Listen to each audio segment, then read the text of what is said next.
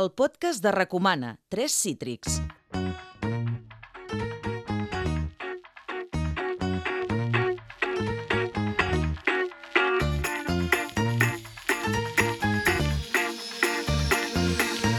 Hola a tothom, benvinguts a un nou capítol del podcast de Recomana. Avui tenim sessió de tres cítrics on tres professionals de la crítica trien, remenen, analitzen, comenten i recomanen alguna de les obres de la cartellera teatral. Avui els tres caps de cartell per ordre alfabètic són Imma Fernández, Xavi Pardo i Gabriel Sevilla. Benvinguts, què tal? Com esteu? Molt bé, gràcies. Hola, què tal? D'aquí una estona tindrem també la guillotina d'Enriqueta Martí, que ens parlarà de la iniciativa Cap Butaca Buida del dia 16 de març, però abans arriba el nostre rànquing. El rànquing de Recomana.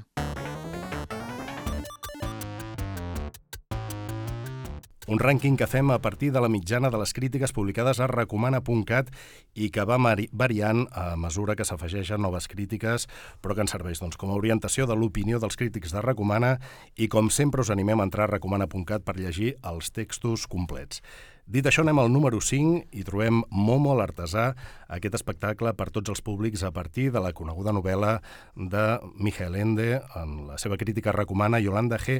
Madariaga diu amb només tres intèrprets, l'ajuda dels objectes més diversos i una acurada estètica recrea aquest conte moral que posa en qüestió els valors d'una societat que ha perdut la capacitat d'escoltar o ja no té el temps per fer-ho. Jordi Bordes diu preciós quadre inspirat en l'univers de Michael Ende, que en realitat té molt de mirall. I està bé també que hi hagi un espectacle infantil, no? perquè eh, dins d'aquests rànquings que fem habitualment doncs no, no hi tenen gaire cabuda, no?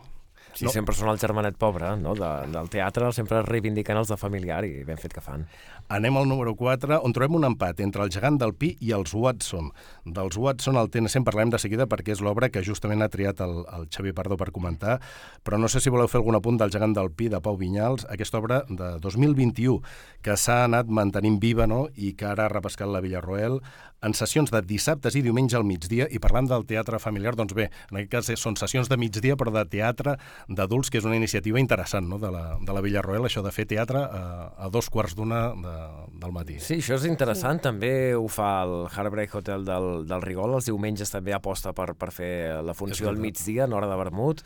I durant una època la Perla 29 també ho va, ho va intentar. No sé si va acabar de, de funcionar perquè crec que ja no ho continuen fent-ho però bueno, és, és, és interessant. Veus l'obra amb uns altres ulls, és veritat. Sí, sí. I sobretot el que és interessant de Gegant del Pi és que va començar com radioteatre. És, és veritat. És, va ser la gran sorpresa de la pandèmia, és a dir, va ser el, el lliure de Martel en el moment dels tancaments dels teatres que va prendre aquesta iniciativa, després es va fer la versió escènica i jo crec que ha funcionat tan bé que continuen continuem fent-la. Sí, va ser aquell moment de pandèmia de què fem, què estem fent amb els actors. El llibre va tenir aquesta iniciativa i d'aquí va sortir a, a aquesta idea que va sortir com el Pau Vinyals també, que mm. aquesta idea de, ha nascut un autor, no? que potser tenia sí. tot aquell temps de dir, s'hi va posar i, i ha arribat fins ara.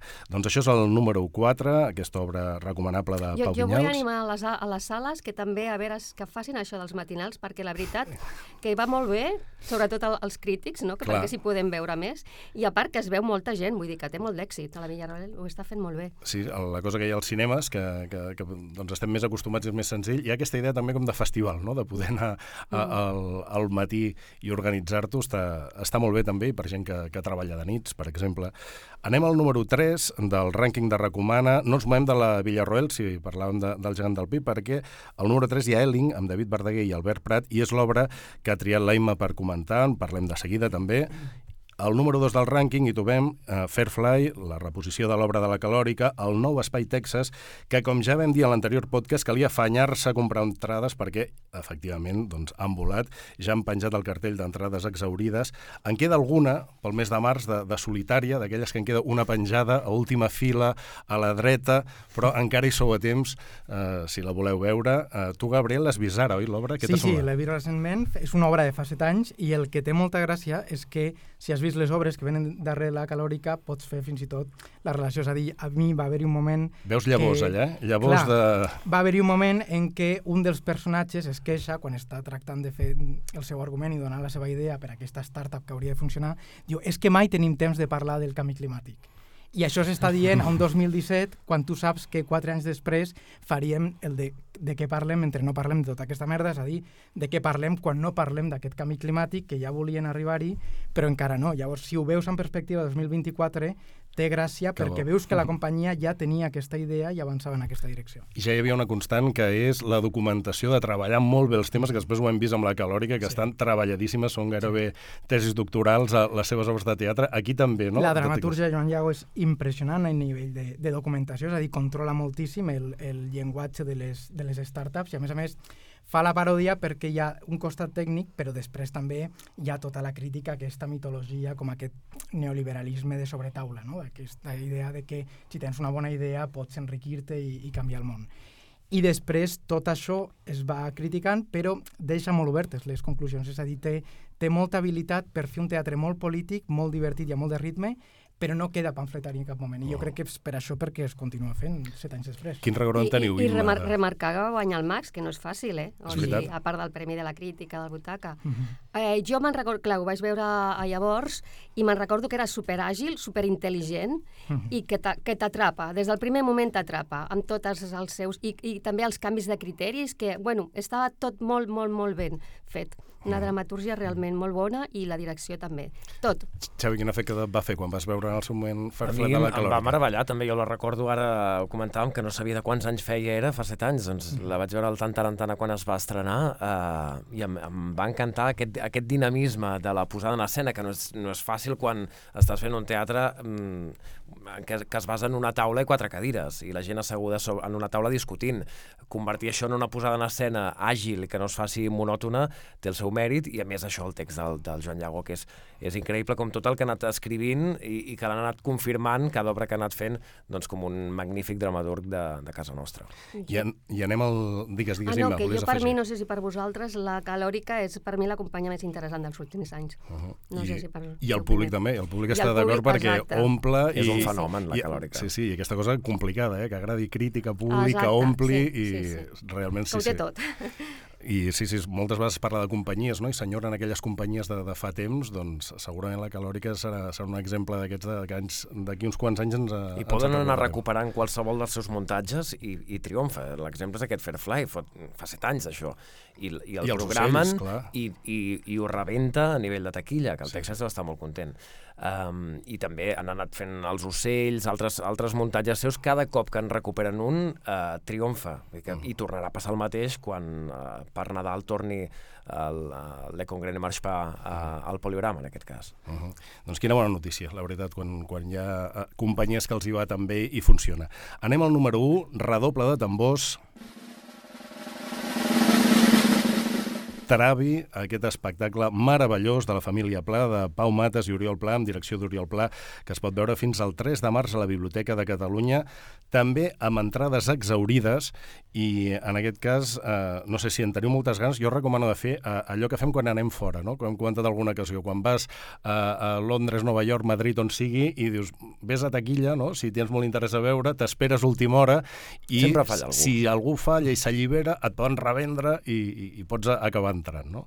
Uh, no sé si això ho heu fet mai, recordeu algun cop en algun Sí, viatge de dir... Fer a veure, porta, sí, sí. sí Expliqueu-nos, a veure, a veure, alguna d'aquestes que us funcionin i, i, i- dius, i- mira, i l'acabo veient. A fora, sobretot, però aquí també, eh? Sí. Algun cop en algun muntatge internacional pel grec, el lliure, etc. jo recordo haver anat allà a provar sort, eh, Clar. amb entrades exaurides, i a ultimíssima hora han fallat dues persones que no han vingut, va, passa. I vas ta- ja, ja has tingut sort, normalment, quan ho has sí, provat? Sí, sí, normalment el 90% de les vegades ha funcionat. El Pepinton, me'n recordo, que Sí. hi havia unes cues fins i tot i tot. Clar, hi ha Sí, les sí. cues de- d'última hora de D'última taquilla. hora, sí, que clar, a la llista d'espera, sí, clar, sí. clar, clar.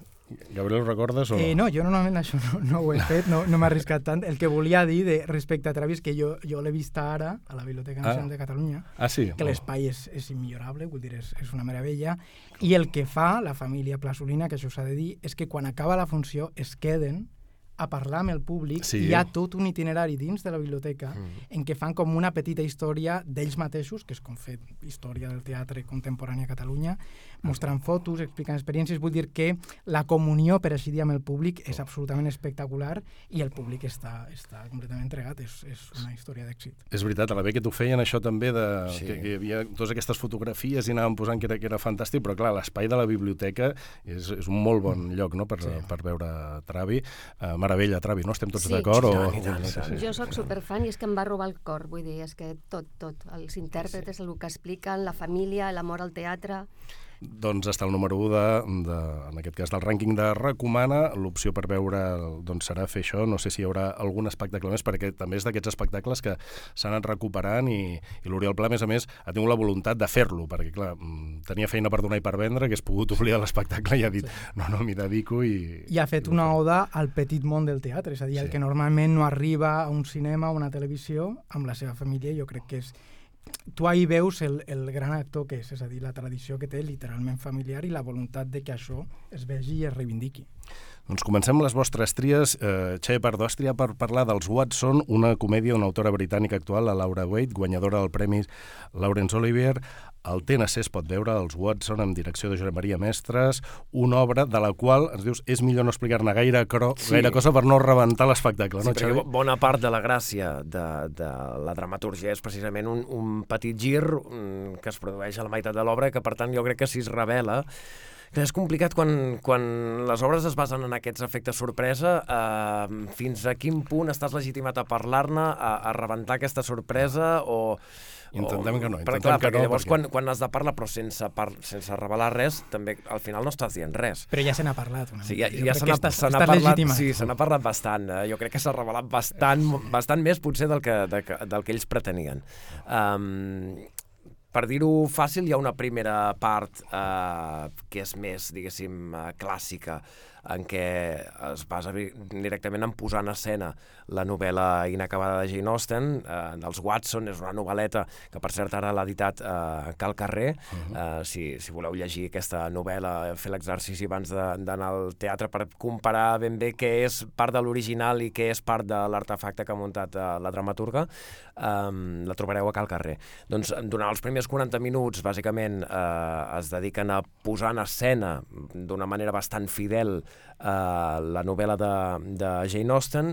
A més, ho fan d'una manera molt, eh, molt intel·ligent, molt eh, pràctica, perquè sí que és veritat que és aquestes novel·les de, de Jane Austen en què surten tants personatges, i la família tal, la família qual, i aquest és el nebot, i l'altre és la tutora. Eh, T'acabes perdent.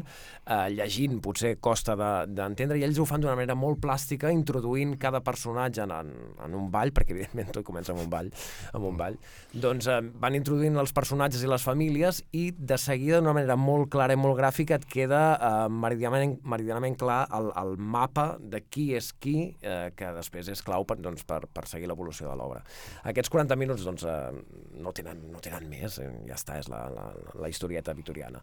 Um, I a partir d'aquí, aquí hi ha el punt d'inflexió, eh, que és amb la irrupció del personatge que, que interpreta la, la Laura Obert, que va, jo crec que es, es pot dir, perquè això ja s'ha dit, eh, que ella interpreta la pròpia autora de l'obra, interpreta Laura Waite, per tant, eh, el mecanisme consisteix en que eh, la pròpia dramaturga eh, s'inclou a si mateixa clar, dins de no? l'obra. Clar, i és, evidentment, és, el referent és a Pirandello, és un, un homenatge claríssim a, a Pirandello i als personatges en, en la cerca d'autor, mm. um, i ella s'enfronta als personatges en el seu intent de buscar un final eh, a la novel·la inacabada de Jane Austen. Ella té una, ho deixa clar més durant l'obra, té una, una veneració absoluta cap a Jane Austen, eh, vol buscar un final a la novel·la que dignifiqui l'autora, però es troba eh, que aquest eh, gir pirandalià no li acaba de funcionar perquè els personatges se li revelen. Tu has dit, jo, Xavi, jo, que... jo crec que aquí sí que ja no direm res més. Clar. tu has, has dit que és una delícia per, pels amants de, del teatre, la teva crítica, i també dius la direcció de Josep Maria Mestres està en perfecta sintonia amb l'elegància i de, que requereix Austen i la intel·ligència que reclama Wade i arrenca diversos aplaudiments durant la funció. Sí, que com això... a mínim a l'estrena va passar, es van, es van uh, produir diversos aplaudiments durant l'obra, que no, no acostuma a ser habitual. Això és molt I, maco quan passa. I n'hi ha eh? algun d'agraït, perquè, per sí. exemple, la, el personatge de la Lluïsa Castells, eh, que fa de la, la nani, la criada dels, eh, dels Watson, no, no té un paper gaire, gaire lluït, per dir-ho així però i a més té, té molt poc text, però hi ha un, una escena, una rèplica que fa un mutis i aquest mutis és aplaudit, uh, realment realment es llueix.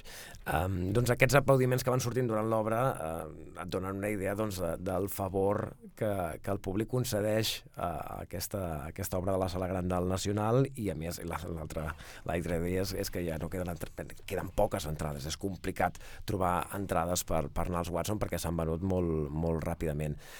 Mm, si hem de posar-hi alguna pega, jo diria que, que es fa una mica reiteratiu aquest joc eh, de la dramaturga Laura Wade. És, és, la idea funciona, mm, és una idea interessant, que més obre un ventall de capes per, per explorar, mm, dona peu a parlar de, de molts temes, fins i tot hi ha moments en què l'obra es converteix en una comèdia filosòfica, Mm, però aquest mecanisme del, de jugar a ser l'autora escrivint l'autora i, no? i aquest joc de nines russes amb els personatges, etc i, el, i que acaben jugant una mica al gat i a la rata, es fa reiteratiu, perquè un cop ja, ja ho has vist, doncs ja està i s'allarga potser un pèl en excés i sí. hi ha un moment en què potser eh, Laura Waite acaba caient una mica en l'autoindulgència, sobretot en la segona part de, del muntatge. Parleu més del text que no pas de, de la direcció, no? que esteu d'acord, i, i Gabriel... Que, sí, no, que jo vaig tenir la mateixa impressió, és a dir, jo crec que la idea en un principi és bona, per a mi el que millor funciona és el repartiment, vull dir, és un sí, luxe, sí, estan tots, estan, estan tots, tots molt bé i és, sí. i és com un plaer veure aquests intèrprets en l'escenari, però és veritat que és com si la Laura Wade tingués por de que no s'entengués, és a dir, com fa un gir tan entre cometes radical, perquè ja fa un segle de Pirandello, vull dir, tampoc és tan nou, però és com si tingués por de que no s'entengués i llavors ho explica i ho reexplica i ho torna molt, a explicar. Sí, sí, molt mastegat. I arriba un punt en què dius, vale, ja ho hem entès, això que en un moment va ser avantguarda o ruptura, ara ja és tradició, potser no calia fer tanta didàctica d'aquest gir. Llavors jo crec que hi ha moments en què cau una miqueta el ritme. I destacaves ara que, que tots els actors estan molt bé, i quan els actors estan molt bé, mmm, hi ha molta responsabilitat també del director, perquè sí, hi, ha, hi, ha molt, hi, ha molta, hi ha moltes vegades que hem vist bons actors que, que, que no estan bé, i en cas Josep Maria Mestres, que és un director que en el sector teatral sí que té molt prestigi, eh, però a nivell popular no sé si té mm, el mereixement que, que, que hauria de tenir, perquè és un, jo crec un extraordinari director, molt bon director d'actors, sobretot. És que aquí la, la direcció de, de, de la posada en escena, diguéssim, sí. és impecable, és, és, és, és el que l'obra necessita sí, sí. sap aconseguir el que l'obra necessita. I llavors, a més, en la direcció d'actors, tots estan molt bé. I crec que és un, un gran encert també uh, el càsting, el repartiment perquè la, la, la Manzanares, per exemple, crec que és una molt bona Emma Watson, perquè li dona un punt de contemporaneïtat, ella és tan fresca, tan natural, tan sí. actual, uh -huh. que ell, el sol fet de que l'interpreti ella crea ja el pont entre els Watson de, de Jane Austen i el, el dia d'avui el, el fet de trobar-se un personatge de, que desperta 200 anys més tard, no? I, i que es troba en, el, en, en la nostra època, no? Ella li dona aquesta mirada tan fresca i tan contemporània. Doncs Josep Maria Mestres, a, a més a més, això treballa molt bé també el, el joc aquest entre la història i la contemporaneïtat, també. Recordo fa temps aquell matrimoni de Boston que Home, va fer el lliure, magnífic. Anna Lizaran, Marta Marco, mm. Emma Vilarassau, que era deliciós, i és on veus això, clar, vas veient les obres de, de mestres, jo crec, dirigeix molt bé, és molt bon director d'actors. I, I li agrada aquest tipus d'obres també amb ell. Sí, sí. sí.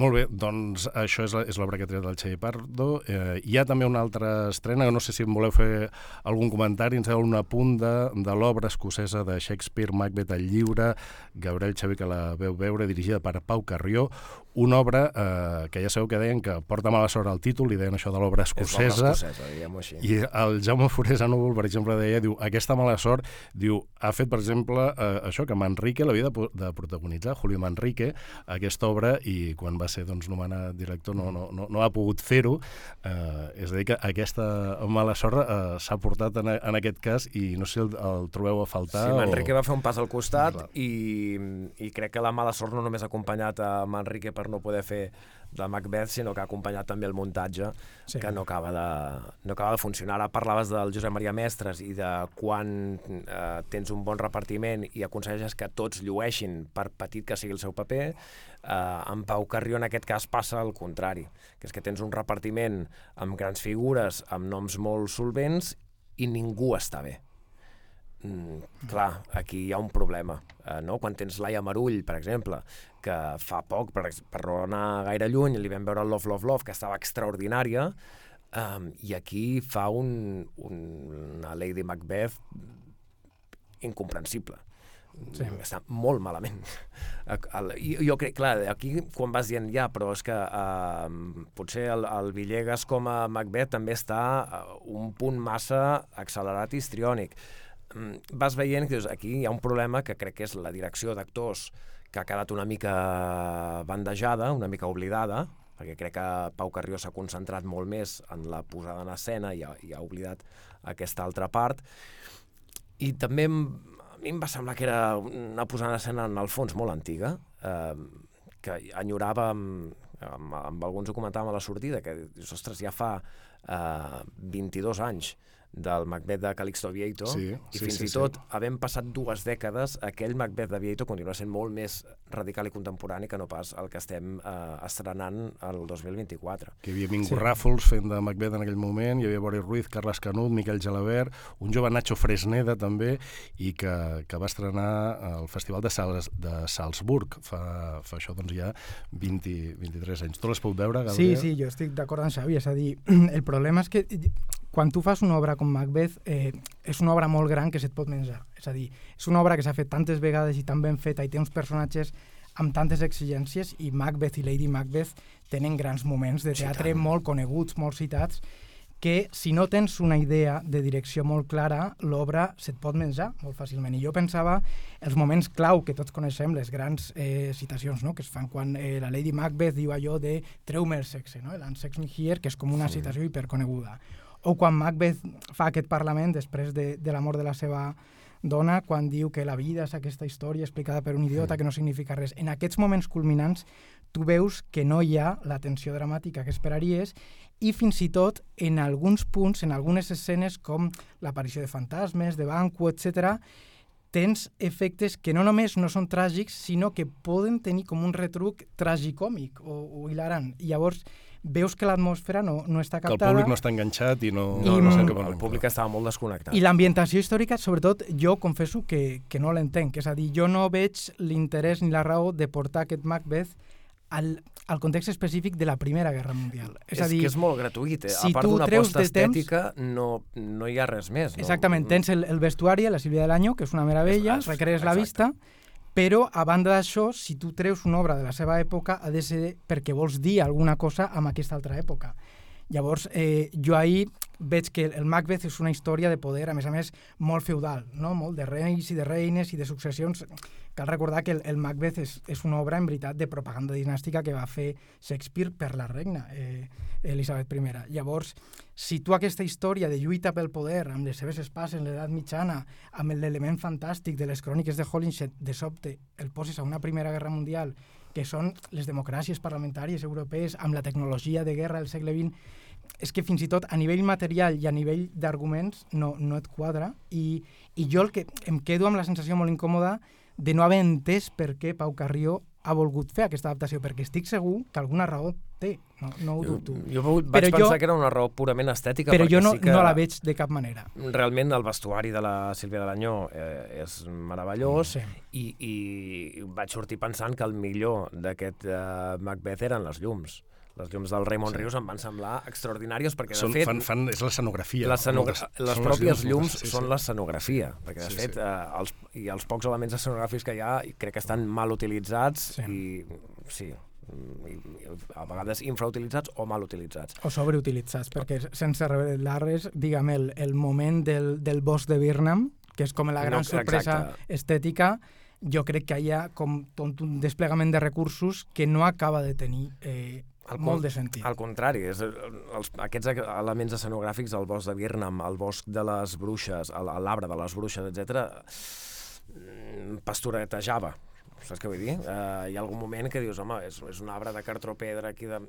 que dius, home, no. Si per fer això, si estem jugant a la buidor escènica, mm, continua fent-ho no? Ves, ves més enllà. Doncs eren dues grans apostes aquestes, el, el TNC doncs era els Watson, el, el llibre també d'aquestes doncs, amb, amb molta gent sobre, sobre l'escenari, pel que ens comenteu doncs, dos resultats desiguals, i anem ara a la Villarroel, on hi ha una altra obra dirigida per uh, Pau Carrió, que en aquest cas doncs, sí que ha tingut doncs, bones crítiques i, i ha funcionat bé de públic. S'hi pot veure Elling, és l'obra que ens tria la Imma Fernández, eh, diguem també dirigida per Pau Carrió, és a dir, que ha fet també Macbeth i alhora també eh, Elling, no sé si sabeu com s'ho ha fet per poder dirigir doncs, aquestes dues obres que coincideixen a, a Potser massa feina, no?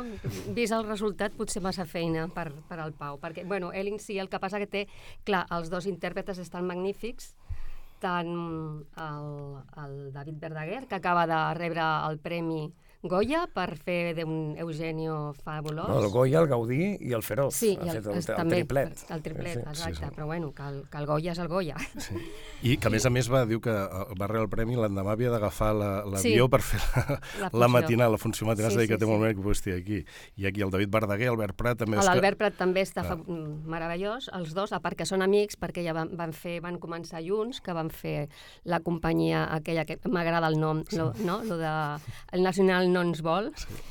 Clar, I, aquesta a- a- complicitat que es nota molt, oi, a, Sí, a escena? És meravellós veure els dos. Realment, només per veure'ls els dos ja és, val la sí. pena. I després està també la Caral Casasallas, que també és molt camaleònica i també Sí. molt bé. O sigui, tots estan molt bé. I Albert Ribalta també, i l'Òscar Muñoz. sí. Eh, en aquest cas sí que hi ha Sí. això que dèiem de, de totes les... Estan tots bé, Sí, no? sí, sí, el lo contrari de, del Macbeth, no? Mira, una li ha sortit malament i l'altra...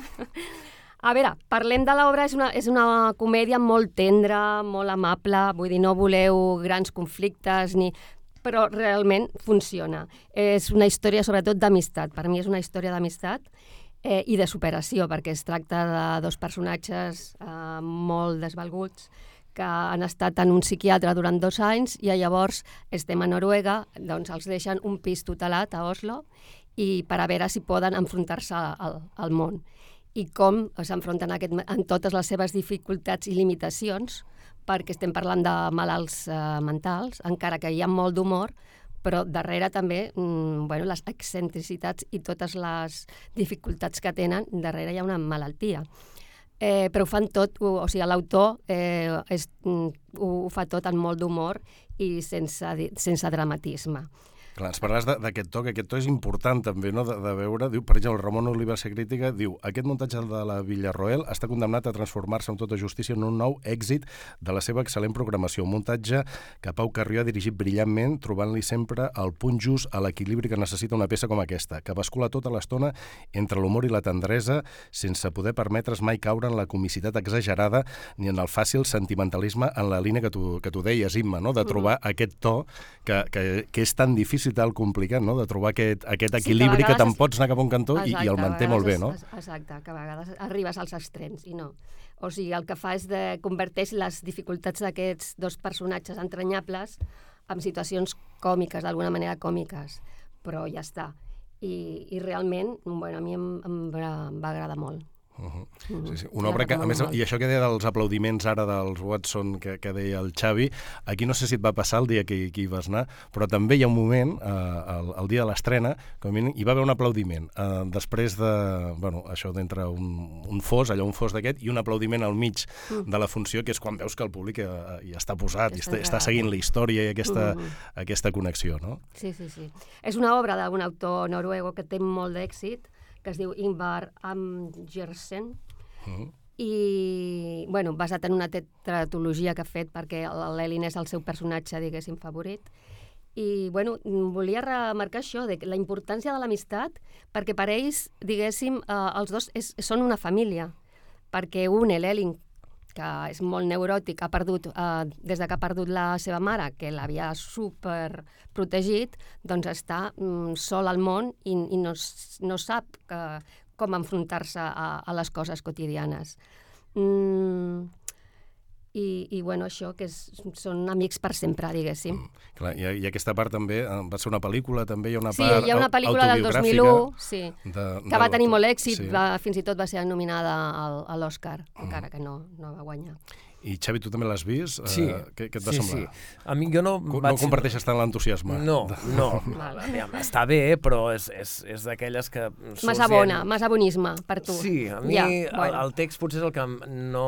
Ja. Que no, no, no l'estic criticant, eh, en absolut, però no vaig pensar... Bueno, potser Bueno. no, no és per mi això. El, va, el vaig trobar massa, Massa bonisme. massa amable. Massa no, és, amable, és, ja. està feta perquè sortís amb, amb aquell somriure de oh, que entranyable, oh, que bonic, que tendre. Home, ja està bé, ja està Bueno, bé. és- que, és que no- vida. No. que ja està bé, però... Aquests dies que portem... A mi em, va faltar una mica, no, em va semblar una mica prima. Sí. Uh, el que passa és que és Ells això, que, estan- que ells dos, només per ells dos, val la pena, perquè la complicitat que tenen en escena i estan tots dos a un nivell altíssim, uh, jo crec que això ja justifica qualsevol altra cosa. I, Justifica l'entrada, no? Ja diu, I tant, i tant, ja- i tant, i tant, i tant, i tant, i tant. Tots dos, són, tots dos són boníssims. Bueno, I aquesta complicitat que, que ens deia la Lima des de que el Nacional no ens vol i que, que això es, es traspua, no? aquesta amistat que, que, que va més enllà i, i està molt, molt matisat no? el que fan. Molt, sí, sí. Això és del, del to, clar, el to és que és, és tan complicat no? de, de trobar-ho. Doncs està funcionant molt bé Elling i, i acabem la tria de Gabriel Sevilla perquè parlam de que això és en un, en un psiquiàtric, comença en un psiquiàtric i no, no ens movem d'aquest espai també. Bueno, és que últimament hi ha moltes obres, perquè la, la que fan ara al Poliorama també parla una mica de, en plan molt divertida, la dels... Esperant Mr. Bojangles, no? Exacte. Ah, sí, sí, sí, Aquesta sí, sí. també hi ha la malaltia. de malalties mentals, Mentals. es parla i, i anem també ara amb Gabriela Estrella Purificats de la Sarah Kane a la versió de la companyia La Cremosa que es pot veure tant en tant Gabriel, dius a la teva crítica que aquesta obra és sens dubte més violenta, sexualment explícita i escènicament inviable de Sarah Kane per no dir del repertori teatral contemporani. Per tant, el repte de portar escena i només per això ja val la pena, no era I senzill. probablement m'he quedat curt, és a dir, jo pensava, quan, quan venia ara, que eh, és l'obra més dura i més difícil de veure del repertori teatral contemporani i jo no sé si de tota la història del teatre que jo conegui. És a dir, jo no he vist mai una obra no? I mira que n'has vist i amb coneixes. tanta, eh, tu. amb tanta violència i tant de gore, eh, amb tant de sexe explícit, però molt dur, i després amb unes eh, indicacions escèniques tan impossibles de, de posar en escena, reconegut per la mateixa autora, la Sarah Kane, que, que ho, ho deia a les entrevistes abans de, de suïcidar-se, perquè es va, es va matar a finals dels anys 90, quan tenia 28 anys, era una obra que ella havia escrit sabent que el que estava demanant en la meitat de les acotacions no es podia fer, però ella tenia aquesta voluntat de portar més enllà el llenguatge escènic i de forçar els directors d'escena a fer coses noves o a, o a trobar... Aquestes recursos. acotacions dius que són un repte, no? Però, ah, però si diu, a veure com ho fas, no? El que, el que t'he deixat escrit aquí. Perquè, a veure, el, la història comença, com tu deies, en una institució psiquiàtrica que de vegades sembla com un campus universitari i tens com un grup de personatges que tenen diferents relacions, diguem, que estarien prohibides o que serien no normatives per al director de la institució, que és un sàdic, que és un, un home que es diu Tinker, i que el que fa és castigar aquestes persones per tenir aquestes relacions no normatives. I és bàsicament una relació incestuosa entre dos germans, eh, Graham i Grace, i una relació homosexual entre dos homes, Rod i Carl. Llavors, a partir d'aquí, el càstig són amputacions, són degollaments, els talla la llengua, vull dir, les barbaritats més increïbles que puguis pensar, però a més a més, tu podries dir, escolta, això estrictament ja estava a la mitologia o les tragèdies gregues, no? Vull dir, sí. Edip es foradava els ulls, etc. Dius, sí, però els grecs el que feien és explicar tot això mentre passaven fora de camp. És No t'ensenyaven, no, no tenies allà... Clar, si tu penses a, a les a tragèdies gregues, tu tens aquest personatge secundari del missatger que t'explica la barbaritat que ha passat fora de camp. D'acord. Aquí el que diuen és, no, no, no, fora de camp no, i missatger no, aquí t'ho mostrarem, perquè mostrar això és el que fa l'estètica del teatre in your face, que deien, no? del teatre en la teva cara, que és fer explícit el que fins ara en la història del teatre havia sigut implícit. Llavors tens les, les imatges més, més bèsties i més salvatges fins al punt de que aquest muntatge, per una qüestió d'economia de recursos, tampoc ha pogut fer un gore o un porno hiperrealista i tot així és fort, però hi havia gent que, es, que estava als ulls durant la, la funció perquè, perquè n'hi ha escenes molt violentes, no, no vull eh, explicar res, però, però n'hi ha escenes molt fortes. I llavors, tota aquesta història és per explicar, jo crec, és, la- és la meva interpretació, eh, la violència psiquiàtrica que va patir la pròpia Sarah Kane, perquè ella es va internar en, en, en psiquiàtrics, ella patia, diguem, eh, algun tipus de, no sé si depressió o de, de, de desequilibri, I dius que ell, ella va dedicar aquesta obra als interns, no? i la, i la va dedicar als interns d'on d'on ella havia estat, però jo veig com una denúncia d'aquesta eh, violència psiquiàtrica, que és molt ideològica, perquè al final el que tu tens és un home cis, hetero, blanc, tinker, que a més a més es diu tinker perquè en anglès tinker és arreglar una cosa, que està entre cometes arreglant els cossos i les relacions que no són normatives. Llavors, arreglar, en el pitjor sentit del terme, és eh, castigar la relació homosexual i castigar la relació incestuosa. Vull dir, és, és com una crítica molt forta al que hi havia d'ideològic en aquesta psiquiatria que la pròpia Sarah Kane va patir. I, a més a més, el que tens amb tota aquesta violència és un llenguatge poètic molt depurat perquè n'hi ha escenes al mateix temps molt poètiques i per increïble que sembli, el final, que no, no explicaré perquè tampoc és una, és una hora de spoilers, eh, el final té un punt esperançador. És a dir, el final t'està donant a entendre que aquesta gent podria arribar a sobreviure només perquè s'estima, és a dir, per, per la força del seu amor, però no és una conclusió romàntica ni cursi, no és, no és una conclusió, eh, diguem, ingenua, perquè tot, després de tot el que han passat els personatges és impossible aquesta ingenuïtat. Però és com aquesta confiança final en què el fet d'estimar-se encara et pot salvar, que a mi em recordava el final de la seva primera obra, dels Reventats, que vam poder veure al TNC, recordareu, al, al 2018, on tens aquest personatge dolentíssim de Lian que eh, en l'últim moment, l'última frase de l'obra és, és seva i diu gràcies.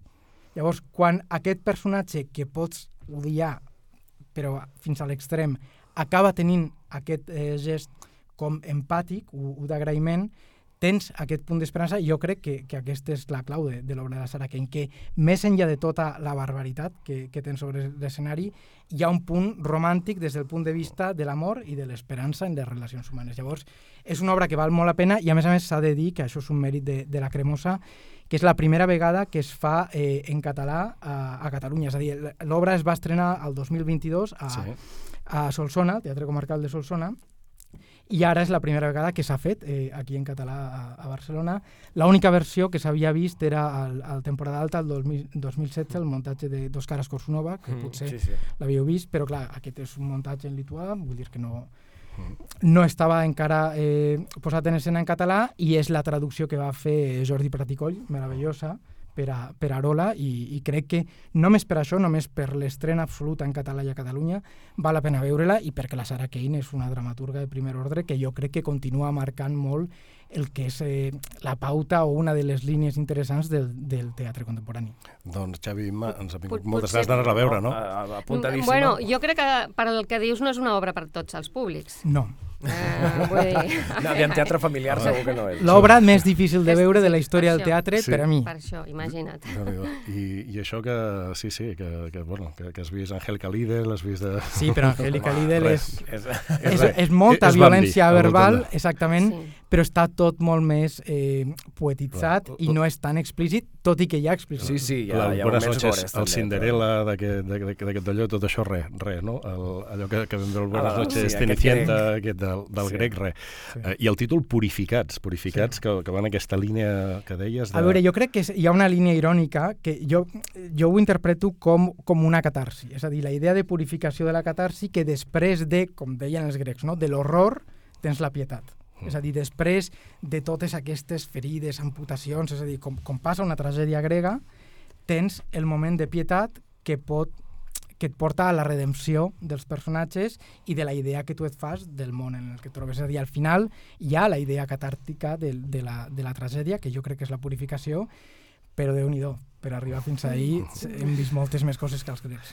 Doncs tenim, tenim per triar i remenar, hem parlat dels Watson, hem parlat de Macbeth, eh, si voleu més bon rotllo Elling, si voleu una cosa més heavy, Purificats, eh, tenim doncs, molta varietat, com sempre, aquí en el Cítrics de Recomana, i és el moment ara per la guillotina d'Enriqueta Martí, aquest personatge satíric de llengua i guillotina afilada, que avui ens parla de la iniciativa Cap butaca buida. La guillotina d'Enriqueta Martí. No hi soc. Barcelona, el divendres 15 de març no em busqueu, que estaré dormint i agafant forces. I el diumenge 17 de març desconnecteu els despertadors, també. Eh? Resulta que hem tingut una altra pensada pel dissabte. I com diu aquell anunci de la cervesa, quan cal ser-hi cal ser-hi? Que dius també, si el fill es queixa la mare que li ha explicat la història cent cops, què hem de fer els telespectadors que ens l'empassem tres cops al dia en hora de prime time? Eh? Ai, però, Enriqueta, que, que estàs dispersa i que, que et despistes una altra vegada. Va, us deia que el 16 de març es comprovarà si Catalunya és més de seny o de rauxa amb la campanya Cap butaca buida. Els teatres professionals i amateurs us han posat a disposició una pila d'entrades només per aquell dia. I el repte és fer plena. Que no és poca cosa si tenim en compte que l'any passat, en el millor de tots, l'ocupació va ser del 60%. Mm? Què? Serem de la rauxa i anirem a cobrir totes les butaques, sigui on sigui? Som-hi, doncs que la societat de la via catalana, la Catalunya del Sant Jordi, que tots els autors de l'estat espanyol i part d'Europa envegen, la que canten Serrat a Barcelona i jo, mil cares té Barcelona, la que en Cerdà subia, la que va esgarrar en Porcioles, ha decidit comptar el màxim d'entrades venudes en un sol dia per entrar al llibre dels Guinness. Oh, Calla. Una altra marca de cervesa. Oh. Enriqueta Martí, busca't un sponsor. I sí, aquesta acció és l'inici de la Setmana Mundial del Teatre. Ep, la rauxa ens canta. Cap butaca buida. Però el seny ens adverteix. Cap butxaca buida. Ai, Enriqueta, que ets bona. Enriqueta, va, va, va, dissabte. El teatre decidirà on aniràs a dinar, a sopar i a dormir. I en tot cas, ja descansaré el diumenge, que és el dia que la masovera tot s'ho menja. Cap butaca buida, que és una iniciativa impulsada per ADETCA, Time Out, la Corporació Catalana de Mitjans Audiovisuals, amb el suport de la Generalitat de Catalunya, Diputació de Barcelona, Ajuntament de Barcelona, i que té com a objectiu omplir el màxim nombre de butaques en un sol dia, el dia 16 de març. Doncs tant de bo s'omplin eh, aquell dia tots els teatres de, de Catalunya. Ha aquesta web capbutacabuida.cat on es pot trobar la, la informació i apuntaves, Gabriel, que això és mm, re, dos dies abans dels Premis de la Crítica. Dos dies abans, sí, seran dies d'alta intensitat teatral.